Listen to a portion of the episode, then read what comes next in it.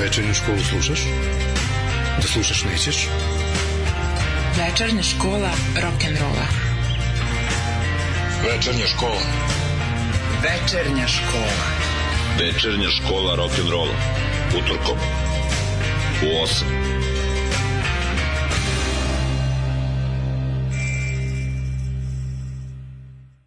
You say you don't love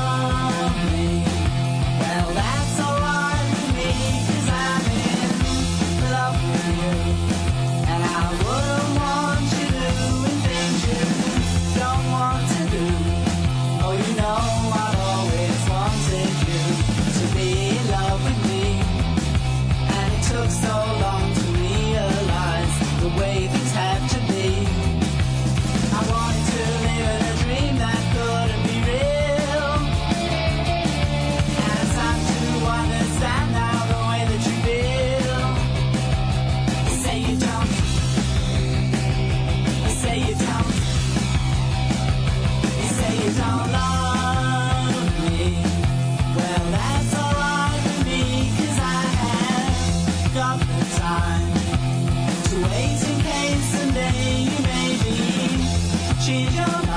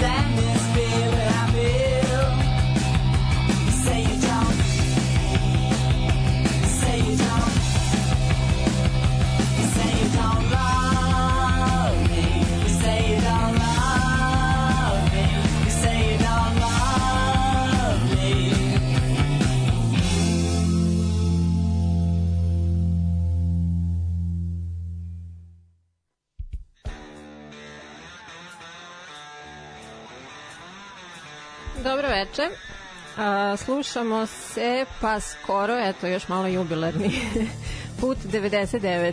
epizoda večernje škole je večeras. A, obzirom da je prošla epizoda takođe bila geografska, ponovit ćemo to i ovog puta a slučajno ili namerno, nema veze, bit će super svakako. A, večeras vam neću pričati ni o jednoj državi, ali hoću o gradu i muzici koja je potekla iz njega, a veoma je značajna i u pitanju je Manchester. A, malo neke istorijske trivije najpre, pre nego što se bacimo na stvar.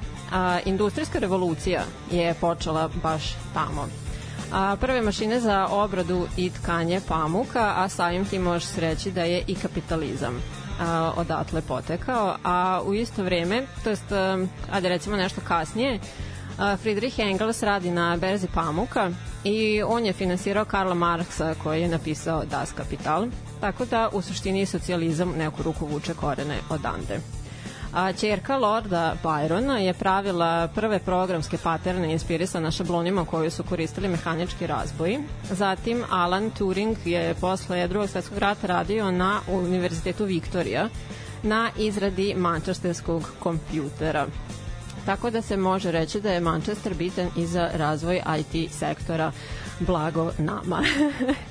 A zatim, e, Petarlo masakr, što su bili protesti za biračka prava muškaraca 1819. je jedan od najbitnijih i najkrvavijih političkih događaja tog veka u Britaniji. A kao posledicu imao je između ostalog i pokretanje a, Manchester Guardian, verovatno najbolje novinske kuće na svetu i Na kraju, ali ne i najmanje važno, Manchester United je jedan od najvećih futbolskih klubova 20. veka.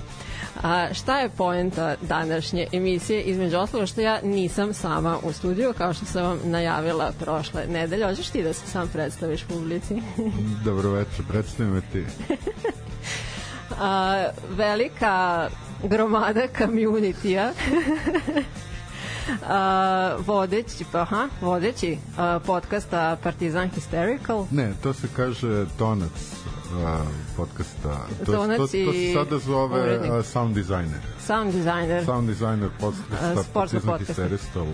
Partizan Hysterical i ove, Najomiljenija osoba na community Da.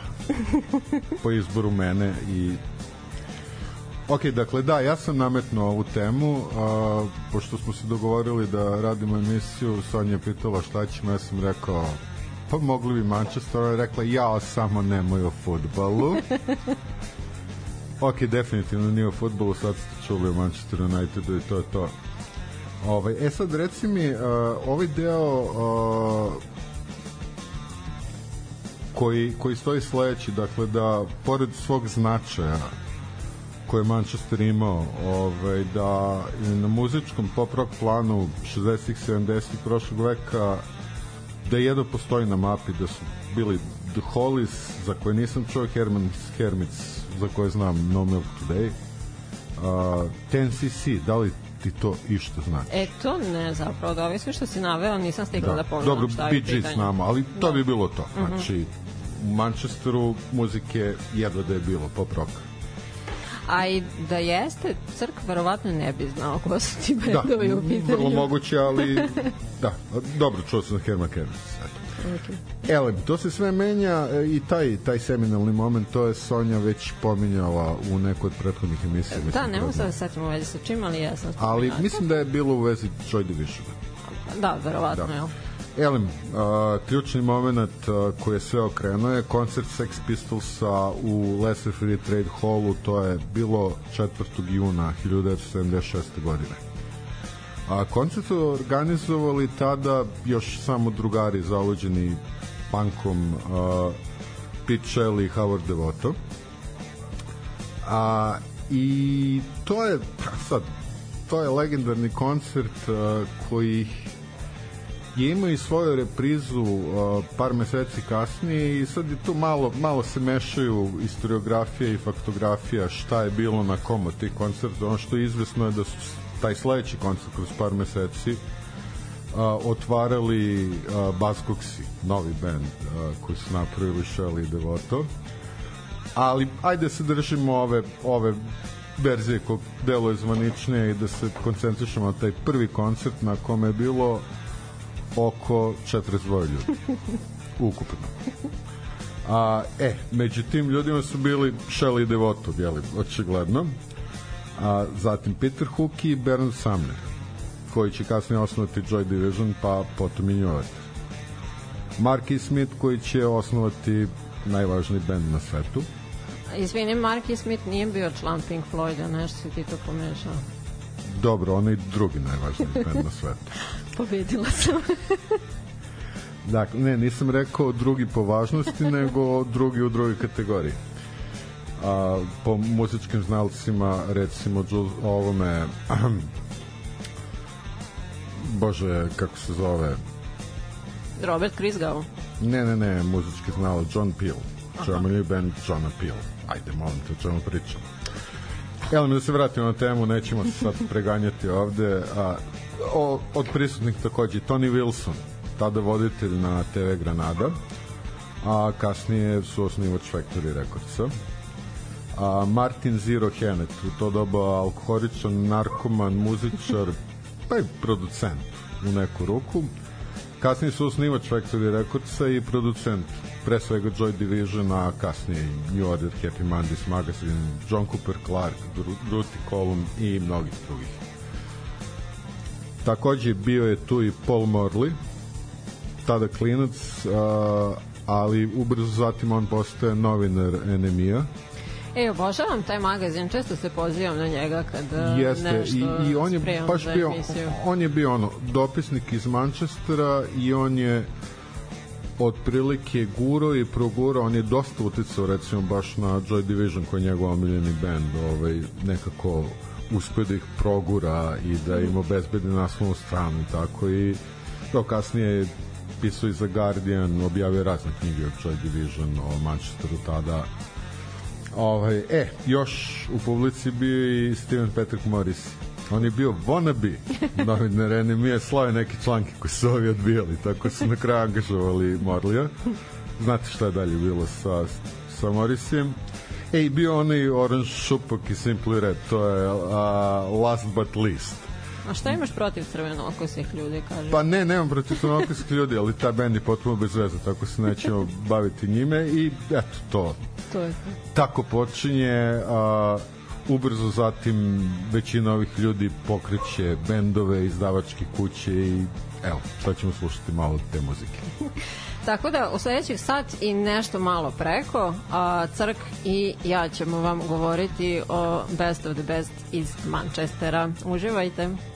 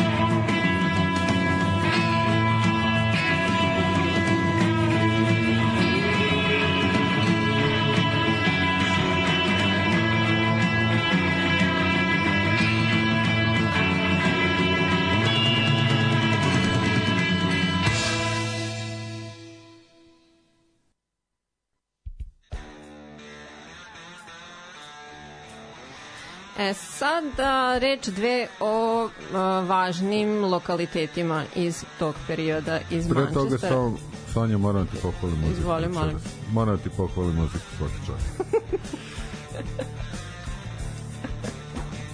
Narciso jedan.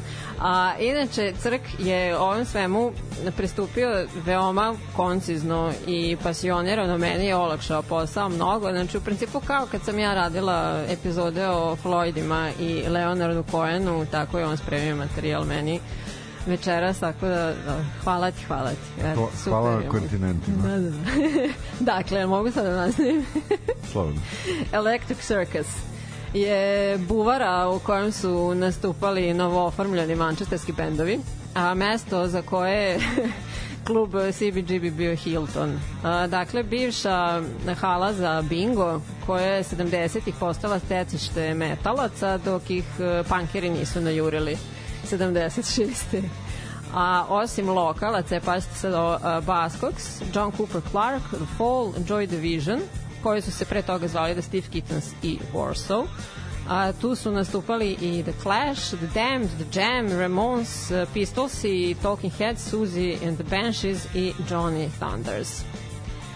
Zatvoreno je krajem 77. zbog opšteg raspadajućeg stanja, a poslednje dve večeri Virgin je snimao nastupe što je rezultiralo albumom uh, Short Circuit live at the Electro Circus sa prve dve The Fall objavljene pesme, a to je drugo ikad izdanje za Joy Division Bucks, sa Joy Division Buzzcocksima i John Cooper Clarkom. Izvolite kolega. Hvala. A ja ću da pričamo drugoj jako bitnoj instituciji u, iz Manchestera tog vremena, to su Factory Records. A, dakle, 78. godine su, to je tokom 78. su Tony Wilson i Alan Erasmus, on je bio neki glumac i Wilsonov ortak, organizovali su Factory Nights u nekom Russell klubu lokalnom u kome su nastupali lokalni bendovi i to je bilo onako fino promovisano i naišlo na fini prijem. Umeđu vremenu su primetili jednu malu punk izdavačku etiketu Rabbit Records koja je vlasnik bio Martin Hennett, već pominjani. A, a Rob Gretton a, je bio menadžer jednog od tih bendova koji su izdavali za Rabbit Records, a, Slaughter and the Dogs, ma što to znači likom. A zašto je Gretton značan? Zato što će, osim toga što će biti suosnivač Factory-a, biti menadžer Joy Division. E, dakle, kad su se te glave udružile, nastoje Factory Records. A, nezavisna izdavačka kuća koja je najpoznatija po Joy Division, a, New Orderu i Happy Mondaysima, ali po ekscentričnim coverima albuma koje je radio Peter Sever. Sad oni nisu bili samo izdavačka kuća, a ako ništa drugo ono po multimedijalnoj pretencioznosti u kojoj su pristupovali, pristupali katalogizujući apsolutno sve a imali su a, neku katalogizaciju gde su sa prefiksom FAC a, katalogizovali sve stvari koje nisu LP-evi, a FAC je bio, to je da li se to čita FACT, mm -hmm. FAC, a, i onda su ljudi krenuli da katalogizuju sve što ima bilo kakve veze sa Factoryjem tako da je prvi promotivni a, poster a, za Factory bio Fact 1 a, Joy Division Animal Pleasures album bio Fact 10 a, Klub Hacienda je bio Fuck 51 album Power Corruption and Lies od New Ordera bio Fact 75 ali onda mačka iz Haciende je bila Fact 191 a kofe iz Vodenice je bila Fact 148 i mislim tako dalje oni su katalogizovali a, ne znam, kutiju za olovke sa Wilsonovog stola i ne znam, tužbu koju je Rob Gretton podigao protiv Factory Records. Mislim, sve je to bilo ovaj, katalogizirano.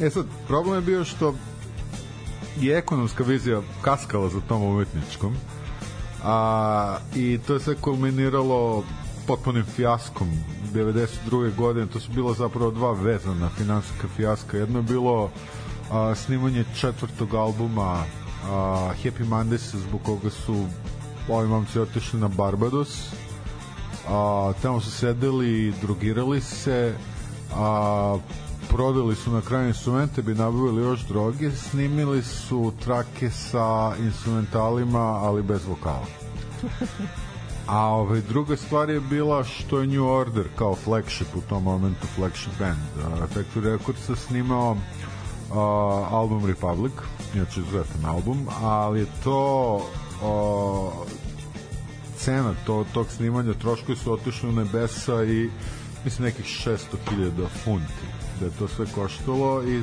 to je sve rezultiralo a, finansijskom propašću Factory Recordsa i preuzimanjem od strane London Recordsa. Sad, jedna od zaustavština a, i dalje postoji a, Peter Hook, a, znate svi ko je Peter Hook, legendarni basista Joy Divisiona i New Ordera i jedna od mančestarskih pizdi. Sklonite decu jer mnogo će puta biti rečeno pizda, Ali ne od strane mene. Dobro, ajde od strane mene.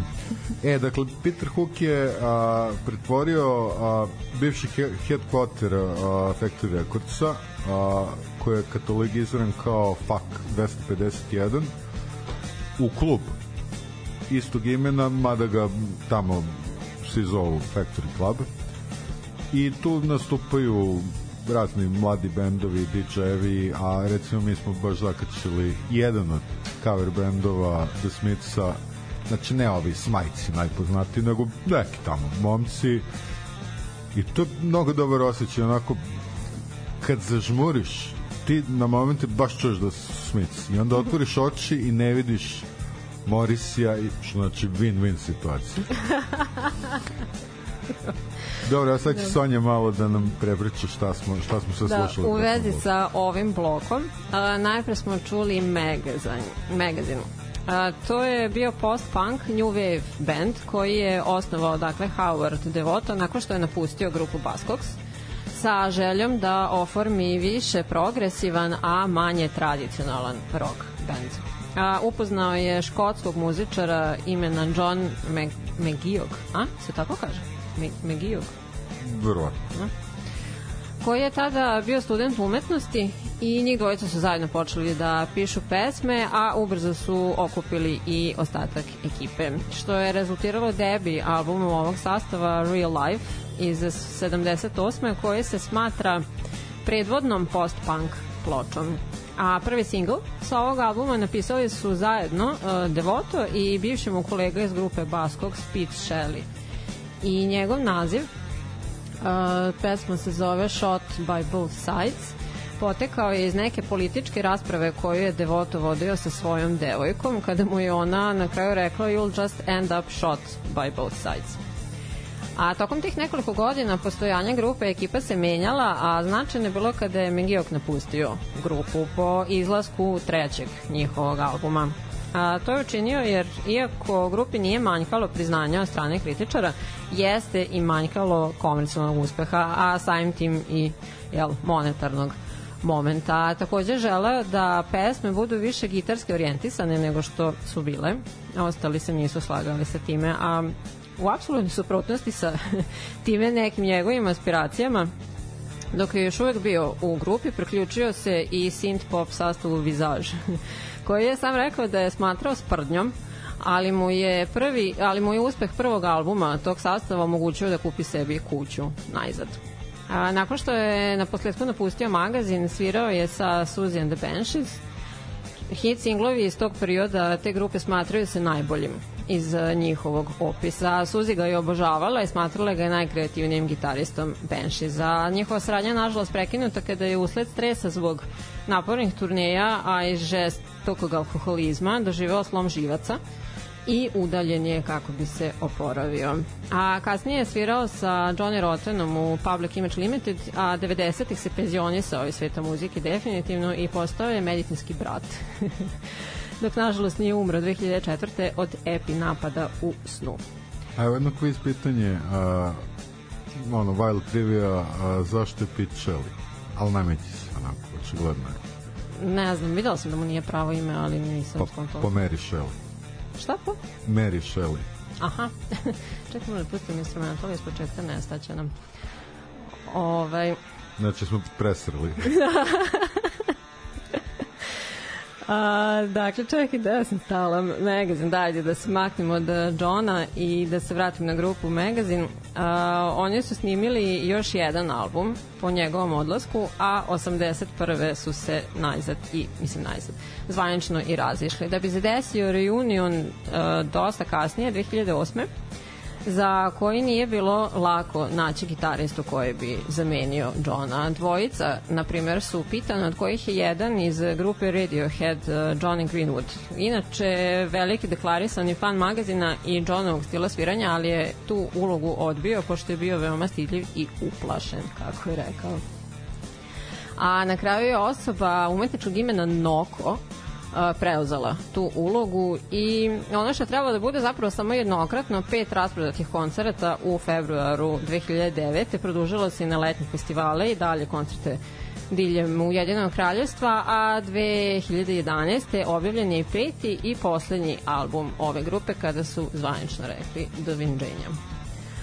A potom čuli smo Joy Division i pesmu Transmission. Um, ona je prvobitno snimljena 78 za nešto što je trebalo da bude debi album ovog sastava koji se tada zvao Warsaw, ali sad šta se desilo? Oni su tada sarađivali sa kompanijom RCA Records i snimili su 11 numera za album, ali su bili dosta nezadovoljni postprodukcijom, ugovor je propao i album na kraju nije objavljen. A četiri pesme koje su prvobitno snimili za njega, momci su objavili sami, sami su ga finansirali sa budžetom od cijelih 400 funti. Mesec dana kasnije... Čekaj, to je Ideal for Life. Da, da, da. To je kao prvi extended play Da. te grupe koja je tada sveže preimenovana u Joy Division. Ime The Warsaw, mislim da ovo nisam govorila ranije, a, poteklo je od a, Bovijeve pesme sa albuma Low, a sad da ih ne bi Ja mešao... sam siguran da si rekla prošle put, ali je lepa informacija. Stvarno. Pa, A možda ja sam ajde za to za Warsaw, ali nisam definitivno rekla šta šta stoji iza imena Joy Division. Znači, to bi se sigurno A sve. to da, to nisi, slobodno. ovaj, uglavnom da ih ne bi mešali sa londonskim sastavom Warsaw Pact, um, promenili su u ovo drugo, koje referiše na vojne bordele širom Evrope u koncentracijnim logorima i da, širom ono, celog kontinenta u koje su dovođene žene iz tih logora i kidnapovane žene sa ulica gradova za zabavu i iživljavanje Da, nacista. momci su, momci su imali a, to neko, pa kao i Lajbah, ono, koketiranje sa naci ikonografijom, mada definitivno nisu bili naciji ko, mm. ko čita njihove tekst, tekstove, zaključit će to i sam, ali recimo a, sama Vorsu pesma jeli, je a, pesma o Rudolfu Hesu koji je jeli, bio zatočenik u Britaniji, a zatim ovaj, i poslednji zatočenik a, zatvora Španda u Berlinu. Da. Taj 350125 je njegov zatvorski broj. Aha. A videla sam i da za ovo uh, na Deal for Living, da im je najpre kao na... Onaj mali Hitler Jugend Da, Hitler Jugend što udara da, da, da. bubnjeve i onda posle, pošto su optuživani, tako da za sve sve su promenili kao za onu građevinsku konstrukciju. Ne, ja Da nisam je- ni video, ja samo znam taj sa, sa malim Hitler Da, da, pa to sam videla sad kad sam ovo čitala. da. A, uglavnom, ove te davnašnje kao snimljene RCI secije su kao bootleg snimci godinama cirkulisale, dok najzad nisu komercionalno objavljene 94. A Transmission je dakle snimljena ponovo u bržem tempu i objavljena je od strane Factory Recordsa kao debut single grupe. Vidi, Tony Wilson se snašao da bilo šta što su ikad snimili objavi po nekoliko puta na raznim Da, da, da, da, da, tako to sam skontala. Da. Marky Smith je jednom prilikom rekao da u Manchesteru postoje dve vrste fabrika, ali da ove druge trguju mrtvim ljudima. Ova numera je na televiziji izvedena samo jednom u nekom BBC-evom programu, a 20 sekundi pesme su uključene u filmu Control iz 2007. koja je baziran na biografiji Ianove žene Debore, o kom ćemo vam ponovo govoriti malkice kasnije. A, Američki autor i muzički novinar i kritičar uh, Grel Marcus je u svojoj knjizi History of Rock and Roll in 10 Songs um, za ovu pesmu je rekao da predstavlja dramatizaciju shvatanja da je čin slušanja radija zapravo suicidalan čin pošto će vam kao opljačkati dušu i ubiće vam um. A basista grupe Joy Division Peter Hook je u vezi sa značajem ove pesme ispričao kako su jednom prilikom imali tonsku probu na otvorenom i ljudi koji su na neobavezno šetkali okolo su kao svi za, se zaustavili da je čuju da je kao on tada prvi put shvatio da im je to kao prv, jedna pesma ona baš toliko dobra i vredna Dobro, zaista zarazna. Da, Naroče njegov bas. Dobro, odmah da se pohvali. Mogu ja da pređem na izvolite. The Fall. Treća stvar koju smo slušali je The Fall i sad ja neću pričati o značaju ovog benda jer sam onako optužen da sam najveća botina i sve to i preću direktno na na stvar. Ovaj, slušali smo Spoiled Victorian Child pesmu sa jednog od najboljih albuma Joy Division, Joy Division, bože mene, jednog od najboljih Fall albuma This Nation Saving Grace iz uh, 85. godine. Po mnogim listama je to kao broj 1. Uh, ali to je kao ona a, najjača postava Fola sa sve uh, gospođom Smith Briggs Amerikankom uh, taj neki da kažeš uh, najkomercijalnije njihovo izdanje ma što komercijalno značilo u njihovom slučaju. E sad počinju divlje trivije u vezi tog albuma. Dakle to je koliko ja znam ovaj jedino uh, izdanje koje je lic, licencno izdato u SFRJ a godinu dana kasnije 86. i izdao ga je ni manje ni više nego Jugodisk. Znači, sama ta činjenica da oni to se našlo negde u katalogu između guslara i makedonskih narodnjaka koji su tad bili jugodiskovano standardni repertoari neki car je odlučio da eto The Ovi, sad imam par nekih uh, napomena. Jedna nije pretredno zanimljiva. Meni jeste jer su mi izbacili omiljenu pesmu A3 Barmi i moju omiljenu reč za sve one vodlove i kvordlove ovaj, znači ako hoćeš da se ukopaš koristi najgluplju reč kao što sam ja našao. Dakle Barmi je zamenio Cruises Creek koji je inače single koji je kasnije objavljen a, ali ono što je zanimljivo, zanimljive su tipografske greške na samom izdanju, pošto ovi carevi iz Jugodiska se nisu baš najbolje snašli. A, recimo nestao je apostrof iz uh, naslova, tako da je album piše kao This Nation S Saving Grace. A, onda Beggars Banquet izgubio, originalni izdavač izgubio jedno G ali uh, meni omiljeni je ovaj, uh, na onoj unutrašnjoj nalepnici na ploči, ja ne znam to vi vinilđe bolje znate kako se zove. A, pesma koju smo upravo slušali je potpisana kao Spolit Spolit. Victorian Child e, ljudi, dakle ako neko nađe jugodiskovu verziju The Fall a, nek uzme ovaj, nek uzme pare sve plaćam a ide mi rođendan, tako da Jedna sledeće godine ti je stvarno rođen. Jeste, pra, tako da e, nije, nije čak problem novac, problem je, nemam pojma gde to ima, ali stvarno to je, to je vredno.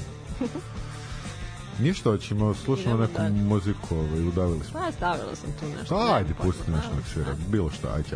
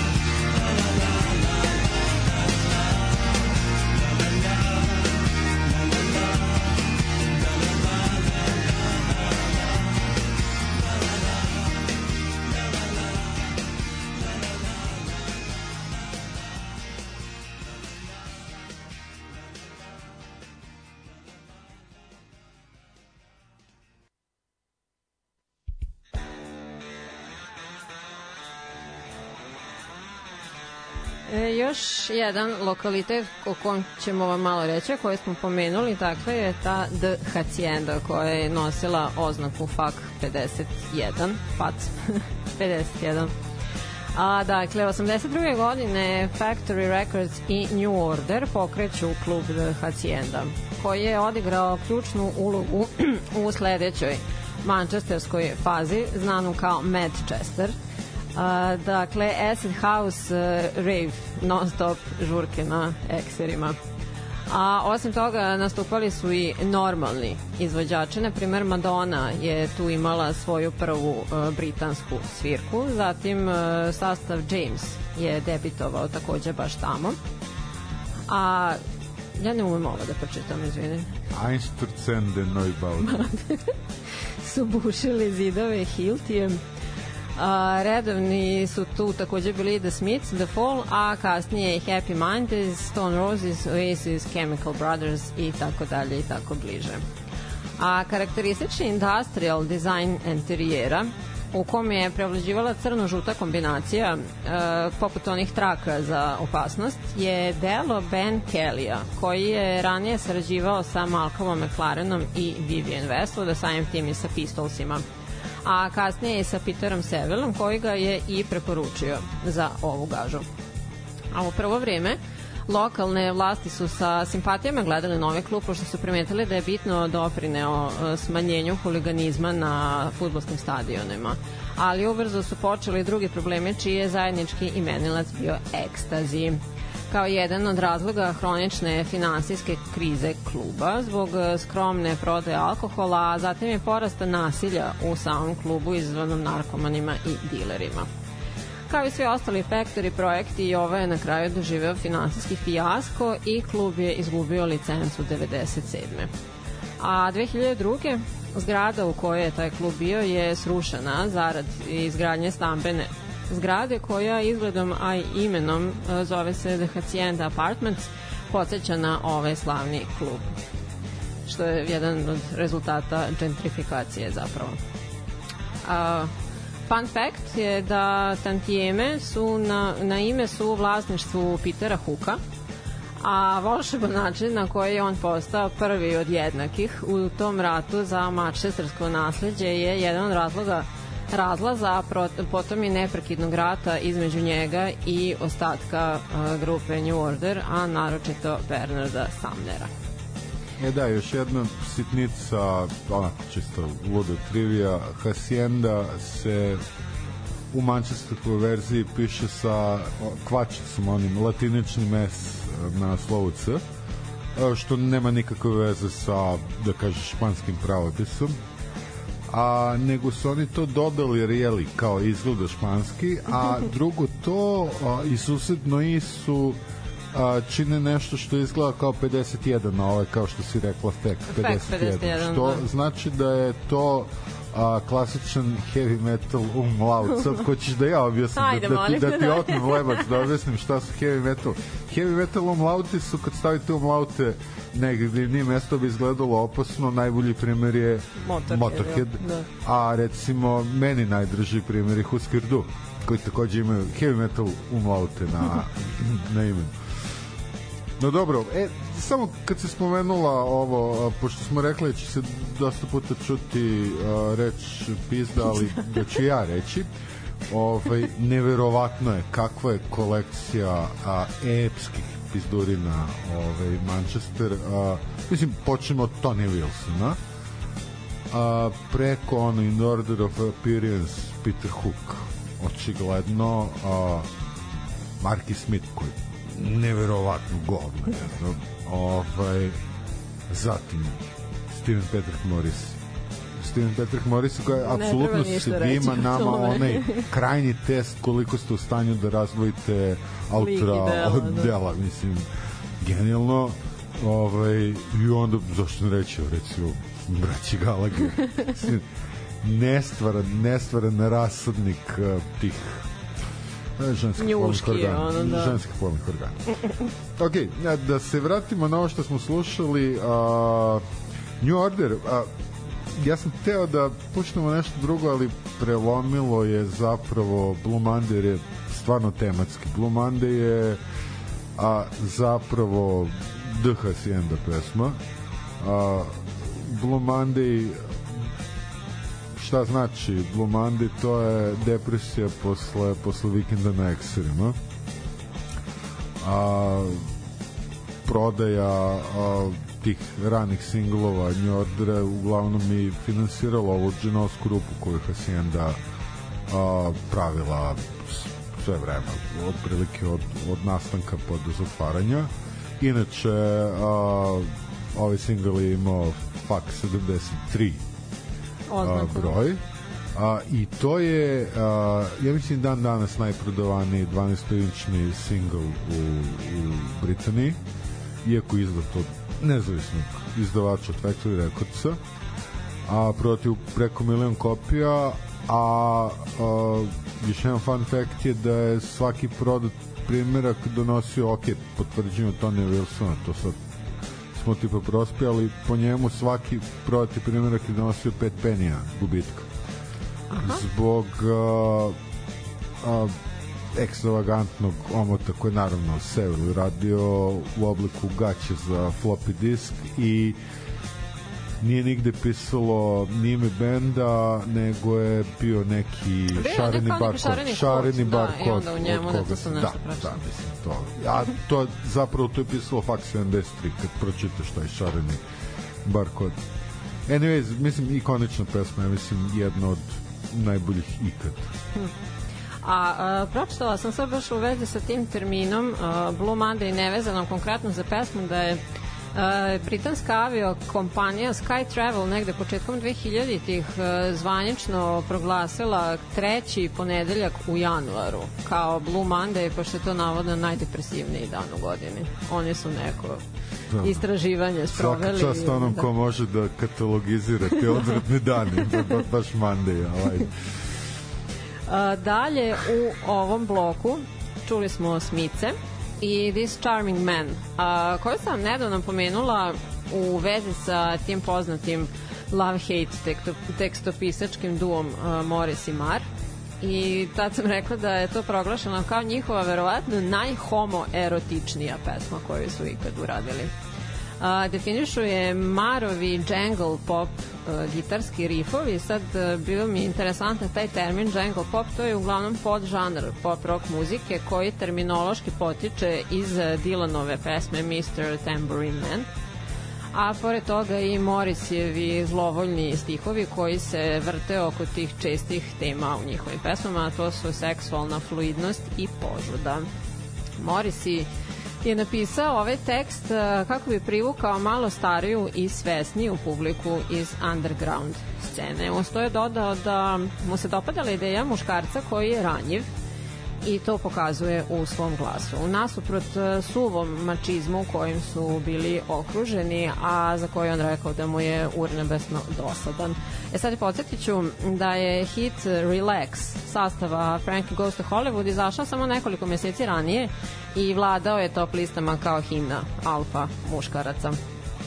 Po izlasku ova numera pobrala je gotovo jednoglasne pohvale kritičara, a tokom gostovanja u emisiji Top of the Pops, što je mnogim ljudima zapravo bilo je prvo susretanje sa grupom The Smiths, Morris je džuska onako senzualno držeći one gladiole ovaj, u ruci, kaže. Imam pitanje, kako veze ima Relax, Frank Goes to Hollywood i Alfa muškarci? To je baš ono turbo gay band. Pa ne znam, ja sam tako. Ako su lagali mene, ja lažem vas. Mislim da zapravo sam čitala neki članak iz onog All Music Da, magazin. da, da. Pocepaj ga. Nemoj da me sabotiraš. Sorry. Um, Noel Gallagher, eto, da ga spomenemo najzad zvanično.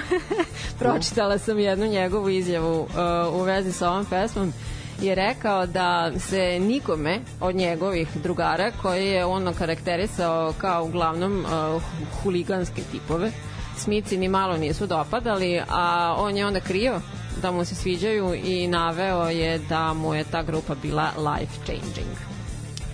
I nadalje čuli smo Electronic to je bila alternativna dance supergrupa koju su učinili Bernard Sumner iz New Ordera i Johnny Marr iz Smitha a uskakali su im povremeno i drugi likovi, na primer um, iz uh, Pet Shop Boysa, Kraftwerka i tako dalje. Oni su se upoznali prilikom neke kratke saradnje 84. A nekoliko godina kasnije Sumner, uh, frustriran tada zbog odbijanja kolega iz New Ordera, svih njegovih ideja i želje da ubace uh, synth momente u svoju muziku, rešio je da producira nešto solo a ubrzo je shvatio da mu nije baš uživanje da radi sasvim sam, pa je pozvao Mara da mu se pridruži. Oni su bili inspirisani Italo House muzikom i projektom elektronske muzike zvanim Technotronic, a želeli su da u kontrastu sa svojim popriličnim reputacijama do tada iz Smitha i New Order ovog puta se drže onako manje više low key.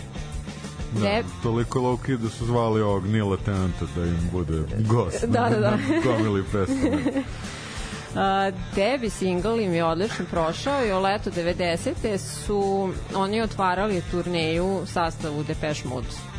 I nakon tog uspeha uh, krenuli su malo komercijalnijem, komercijalnijem pravcem, uh, mešajući tom prilikom sintisajzere, gitare i analognu tehnologiju, uh, držeći se pritom šablona savremenog alternativnog roka.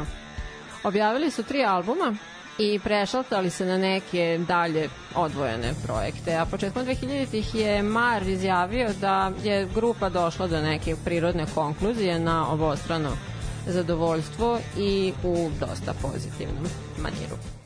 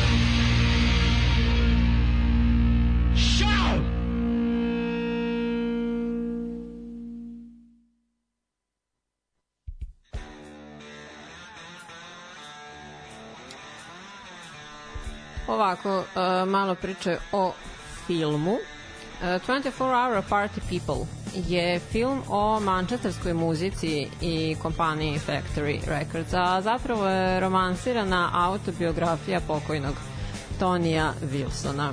Sad, iako obiluje dokumentarnim arhivskim snimcima, daleko je zapravo od realnog prikaza događaja iz tog vremena, a na momente je suviše iritantno. Naprimer, Ian Curtis je prikazan kao debil, dobro.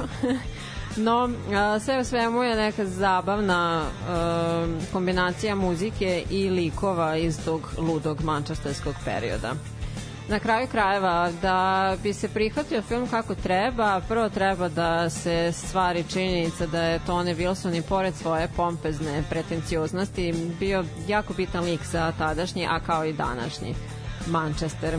Za potrebe ovog filma grupa New Order je snimala Here to Stay, numeru koja je posvećena Ianu, a, takođe i Martinu Hennetu i Robinu, Robu Gretonu, a u spotu kao i u filmu Bernarda Samnera igra John Sim, poznati iz verovatno najdraže, ako ne i najbolje mančesterske e, serije e, Sam Tyler iz Life on Mars.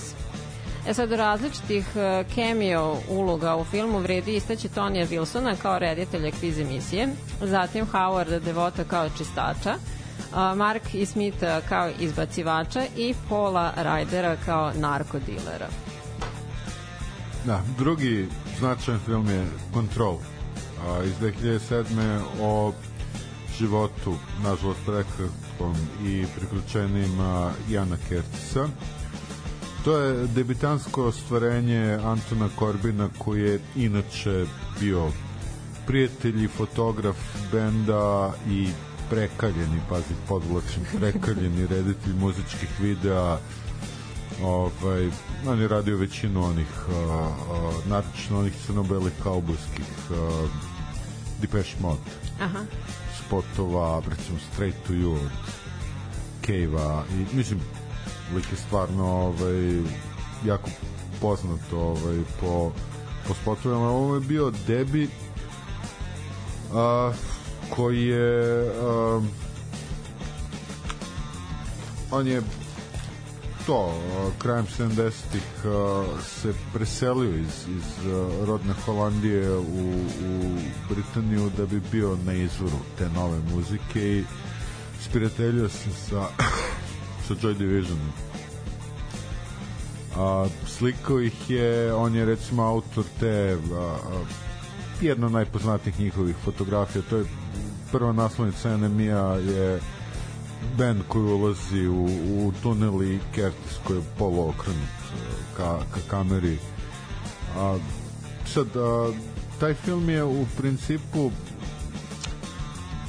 a nekako ja prvi put kad sam ga gledao malo sam prestrogo sudio njemu. Prvo zato što je nekako je baš fotoreal fo, lepo reći fotorealistično ali recimo da je o, oživljavanje tih fotografija iz monografija o, koje smo mnogo puta gledali znači bukvalno po, po scenama ti prepoznaš neke fotografije koje, koje znaš. I drugo u nekim aspektima delo je suviše banalno kada se suviše banalno tretira uopšte a, lične probleme Jana Kertisa, naročito tu njegovu aferu sa, sa onom Belgijankom Aniki.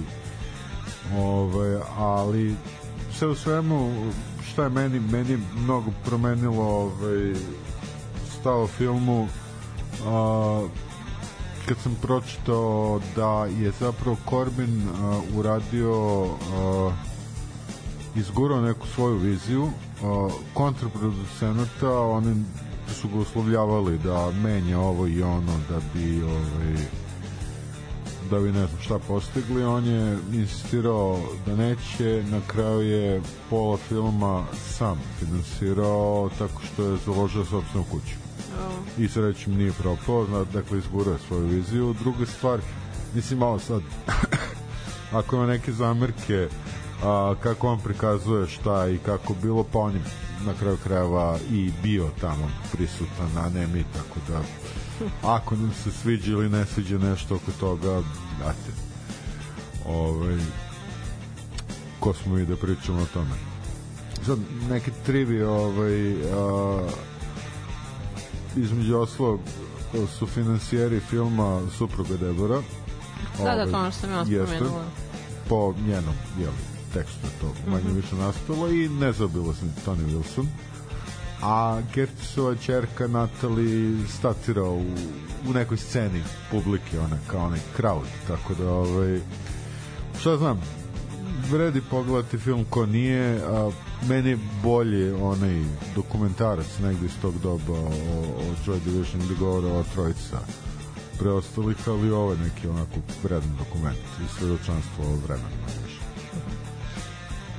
Uh, u vezi sa ovim muzičkim blokom najpre su to bili The Stone Roses i She Bangs the Drums Uh, pesma koju je magazin New Musical Express uh, stavio na 12. mesto liste 50 najboljih indie himni. U pitanju je dakle alternativni rock indie group sastav jedna od uh, vodećih zapravo Manchester scene. Samo sekund, a pesma koju smo mi pustili zbog jednog dečka koji udara bubnjeve i nažalost nije sada sa nama jer mora, I mnogo ga mora, jeste, jer mora da kopa bunar na svom imanju. Uh, njihov istoimeni album The Stone Roses, debi album, uh, je bio bombastično uspešan i smatra se jednim od, uh, aj sad pazi ovo, jednim od najboljih britanskih albuma ikada. Ma ja mislim da je Ma, to malo, malo, malo da. bulja. O, overstatement onako Da, da. puta pet. Mislim odličan album, ali ajde malo. Mm. Dobro. A drugi album ovog sastava nije ponovio isti uspeh i uz izvesne promene postave usledio je ali u grupe. slušamo najbolju pesmu sa, ili bar najpoznatiju pesmu. Pa Namerno sam je stavila. A inače, da, da, a, Wild Trivia a, i Histi koristi jednu pesmu ovaj, Stone Rosesa, a Waterfall je nama podloga za On the Road uratke. Znači to, kad nešto snimimo ono, ili neko javi ono, na gostovanju recimo u Berlinu na utakmici onda pošalje kratki zapis i sad iz nekih sentimentalnih razloga to je ovaj Waterfall ide kao podloga i svaki put kad stavim Waterfall a, i umontiram to u emisiju dobijemo od YouTube-a obaveštenje da je partially blocked content Aha. partially blocked klikneš na detalje ne može da se emituje u Rusiji I sad, ja sam mislio da, da to ima veze sa ludilom Iana Brauna, zaboravili smo ga još jedna mega pizna, poludili ravnozemlje Šavaks, ono kao, neverovatno što je s tim mančesterskim muzičarima, ali ne, ispostavilo se da to do valjda Sony Recordsa ili ko već ima prava, oni su blokirali emitovanje svojih mm -hmm. izvođača u Rusiji, tako da, eto, pokvarili su mi tu, tu teoriju zavere koju sam pripremio. Um, oni su se okupili uh, pak za svetsku turneju 2012. i zatim su objavili novi album. Još neko vrijeme su bili na turneji i ponovo su se razišli. A, svoju inspiraciju su vukli od e, Smica, Stonesa, Tepelina i Clash-a najviše, a uticali su nadalje na mnoge druge, istaknuto na The Verve i Oasis, koje ćemo vam kratko i slatko pomenjati. Kasnije trebalo je ovaj pogled da vidite. od ovih prvih, dakle, Liam Gallagher uh, je istakao da su Stone Roses prvi band koji on lično slušao uživo i to ga je inspirisalo da počne da se bavi pevanjem. A single ove grupe This is the One uh, se od ranih 2000-ih pušta, ovo bi možda trebala bude informacija koju ti trebalo da kažeš, što sam ja pro, pronašla, da, da se pušta na Old Traffordu pre utakmica Manchestera. This is the one, od ranih 2000-ih. A? Nije, nije istina. Ne, ne, ne, nego hteo sam da ti gestikuliram koliko me nešto, preseklo, baš za Old Trafford i Manchester United. Rekli smo, a nećemo raditi muziku u ovoj Pa emisiju o futbolu, nego o muzici, nemoj mi sad ubacivati te svoje. Idi posle gledaj futbol. Što govoriš kao novosađene? Tomante.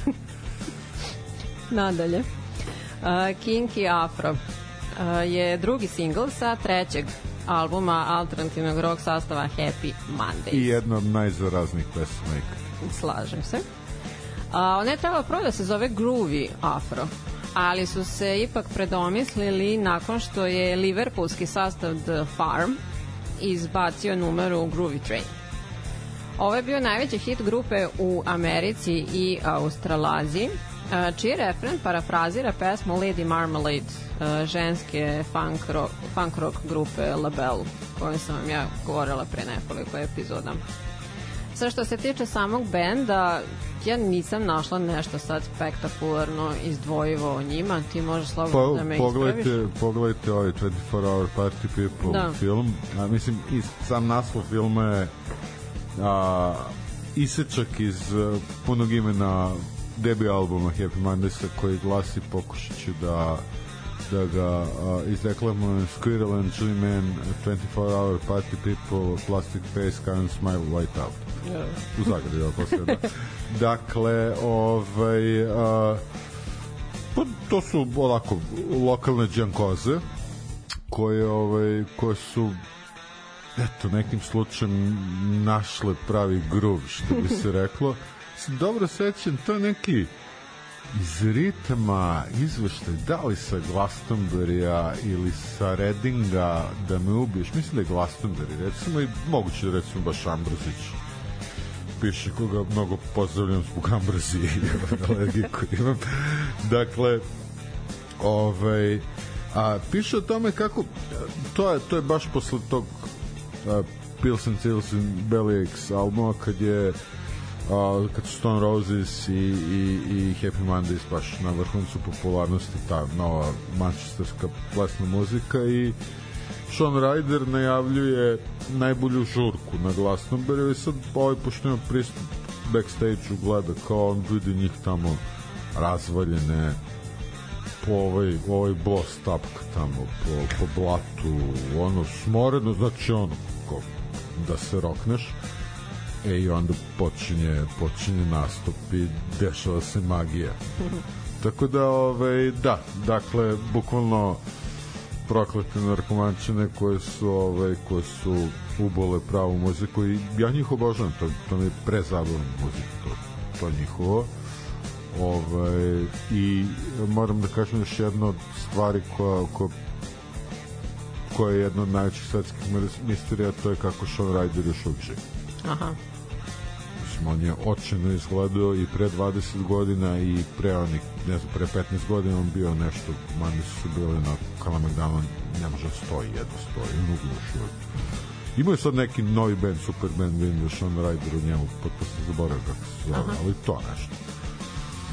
A, Elem, da, ono još e, što mi je bilo smešno, a, simpatično u vezi sa njima, i u vezi sa njihovom pripadnošću nekom muzičkom žanru, to sam našla kao kako je sad e, band, ukucaš i onda izbaci ono par nekih žanrova kao u okviru kojih oni operušu, pa čak i pre Manchestera i post-punka oni pripadaju žanru koji se zove baggy.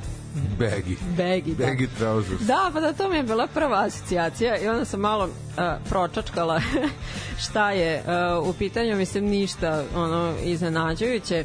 Dakle, alternativni dance žanar koji je bio popularan kasnijih 80-ih i ranih 90-ih obuhvata zbiljam dosta sastava sa Manchester uh, scene, a to je ali pretpostavljeno da je pozadina termina uh, modni moment uh, pripadnika ovog žanra što su u suštini predstavljale te izuzetan stil, ona da, da, da, te vrećaste da, da. pantalone od džinsa u kombinaciji sa svetlim nekim majicama ili onim hand dyed shirts. Um, a bubnjar Stone Rosesa, na primjer, je kao cherry on top uz to nosio već te on je neki ribarski šeširić.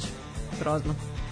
Ovaj, I kao taj celokupan fazon je bio delom rave, delom hippie, delom retro i delom football casual stil.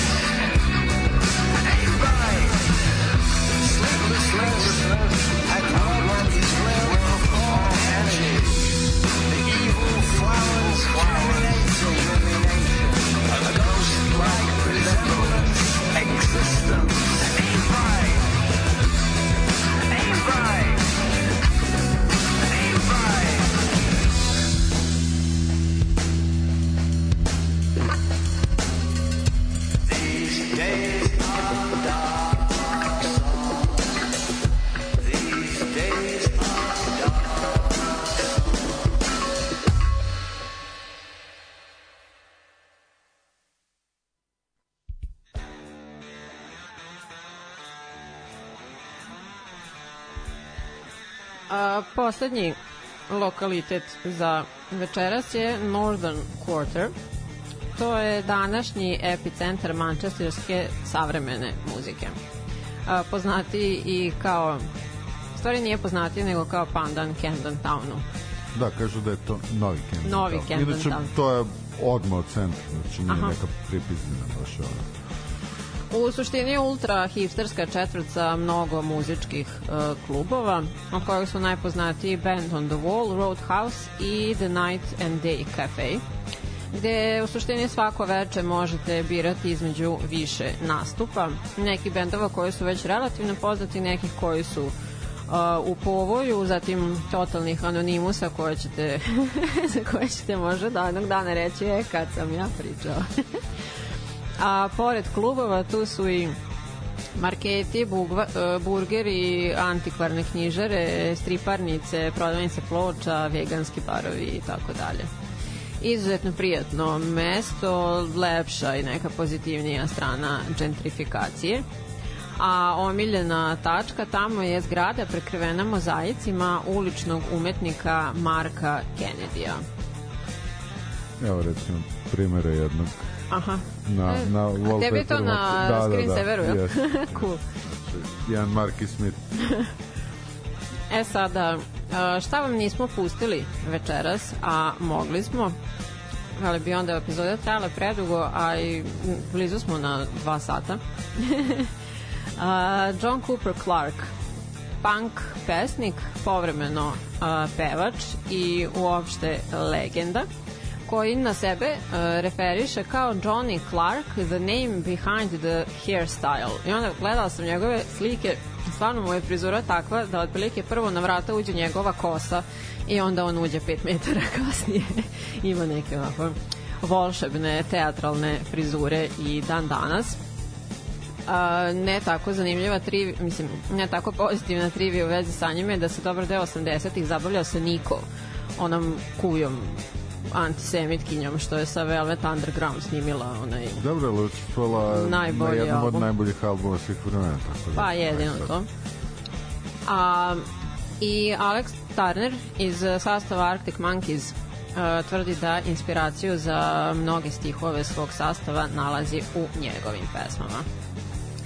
Zatim treba spomenuti i sastav The Charlatans. Uh, Tim Burgess, Burgess, da. Burgess je jedna od najprijateljskijih osoba iz popularne muzike, zapravo je i kao bolji lik od svoje sobstvene muzike, koja nije da je loša, ali opet rekla bi se da je e, britanski Evan Dando, a sad... Da, ili ajde kažeš možeš i Brandon Flowers. ovaj, ali, da, baš je dušica čovjek sad, ovaj, uvek je to da, da se nađe kolegama, pomogne. Inače, vodi sad eh, na Twitteru ili sad X-u.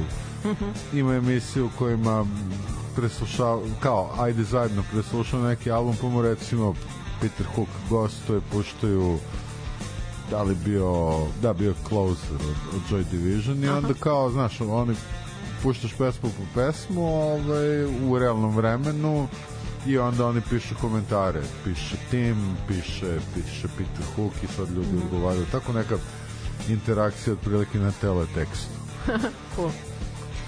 A, zatim Orchestral Maneuvers in the Dark, a, koji iako iz Liverpoola gravitirali su ka Manchesteru i često se nalaze na listi najboljih ondašnjih bendova.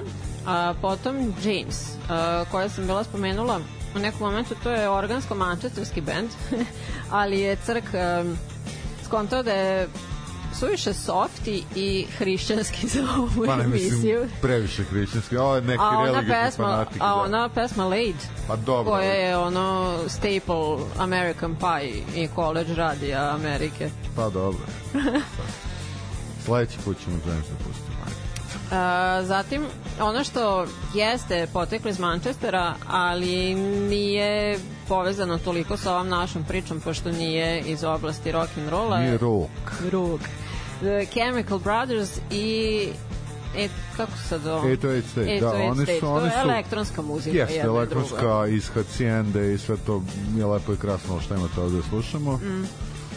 I ono što smo namerno preskočili, Oasis, pošto su pizdurine, njanjave, I seljaci, da, jedan od redkih ono, kao, nema nešto mnogo Brit popa mančestarskog mm. bitnog, ovi The Verve, ajde molim te to ti. i da, The Verve, a, ne znam, a, napomena autora JTMB. Ne znam šta to znači. Ne znam to ja. ne, ne, Ne znam ja, pa ćemo pređi na ovo što smo slušali. A, slušali smo blok, a, da kažemo, ovo milenijumske ovaj, muzike iz Manchestera, zapravo a, relativno taze muzike. A zato je eto došao i taj blok koji ne znate, pošto sve ostalo bilo baš, baš poznato i popularno. Prvi band koji smo slušali je Working Men's Club. A to je jako perspektivni sastav koji mnogi ističu kao jedan od najboljih mladih mančestarskih bendova, iako iz Yorka. međutim ovaj, gravitiraju u Manchesteru jako često sviraju u Manchesteru i sam naslov ove pesme jedan od njihovih najvećih hitova do sada je John Da, Cooper Clark Cooper Clark, što sam Tako je, spomenula da, malo pre. E, druga stvar koju smo slušali je Bruce Control. To je jedno ovako oni se zovu, sami sebe predstavljaju kao Turbo Goti iz Manchestera. Znači, a, punk ukršen sa severničkim humorom i ona brkata nakada, ne znam da si pogledala bilo koji njihov snimak. Na brkaza nakada, nakaza u, u boksericama sa leopardovom šarom. Mislim, a, kao, what possibly go wrong?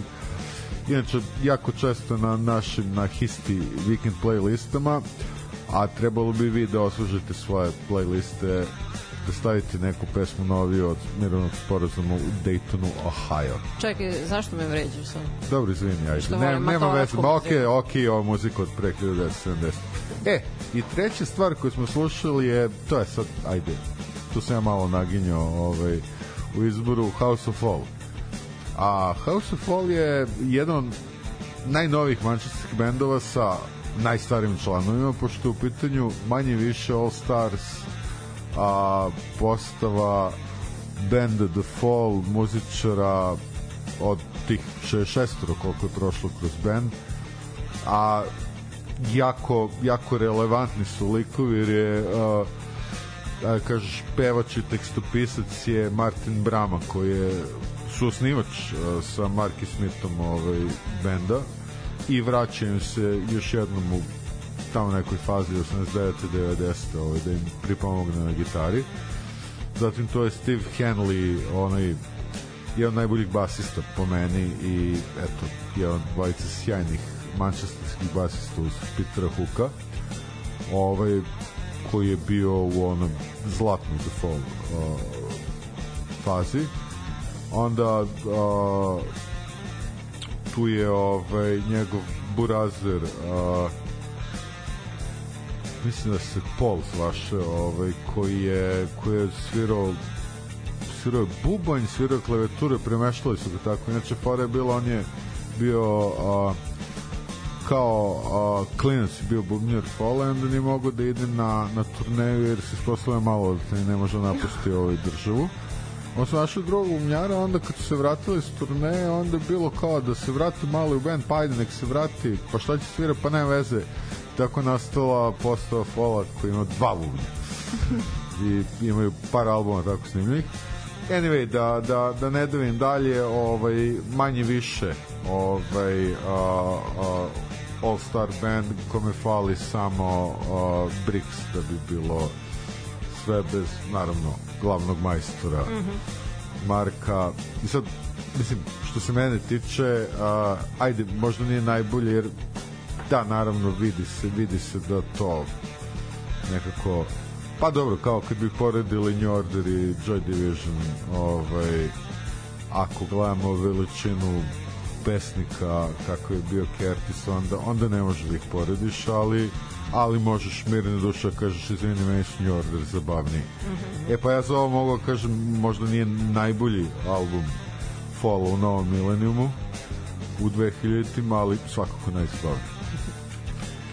E pa dobro, mislim toliko smo spremili sad pre nego što nas Sonja odjavi ja imam da apelam na vas ljudi koji sve ovo slušate plaćajte Patreon stipse plaćajte ovu divnu učiteljicu koja se toliko muči znate koliko treba za spremiti ove evo, dva sata Dva sata, ovde ovo je najduža da. epizoda do Da. sada. Pa zašto ti polako pričaš U meni je... da brže pričala ovo bi bilo za sat i 15 ali ajde.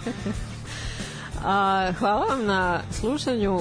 Nadam se da vam je bilo zabavno, ovaj, pošto nama svakako jeste i hvala Nemanji na cimanju do Varoši sa dve ulice. Dobro, sad ste pokazali i treće. Ovaj. da ja sad to potpuno nove Ćeš se izgubiti sad. na- Ostavio sam mrvice. Od hleba, ali ovde nema ptica, nema, ili tako? Ne, ne. Nema, dobro. A, sledeće, sledeća utorka je stota epizoda večernje škole. Biće E, pa čestitam ti. E, pa hvala. A, ništa, slušamo se onda uh, sledećeg utorka i pozdravljamo vas Crk i ja. Ćao, čao. Ćao! I Večernju školu slušaš? Da slušaš nećeš? Večernja škola rock'n'rolla. Večernja škola. Večernja škola. Večernja škola rock'n'rolla. Utorkom. U 8.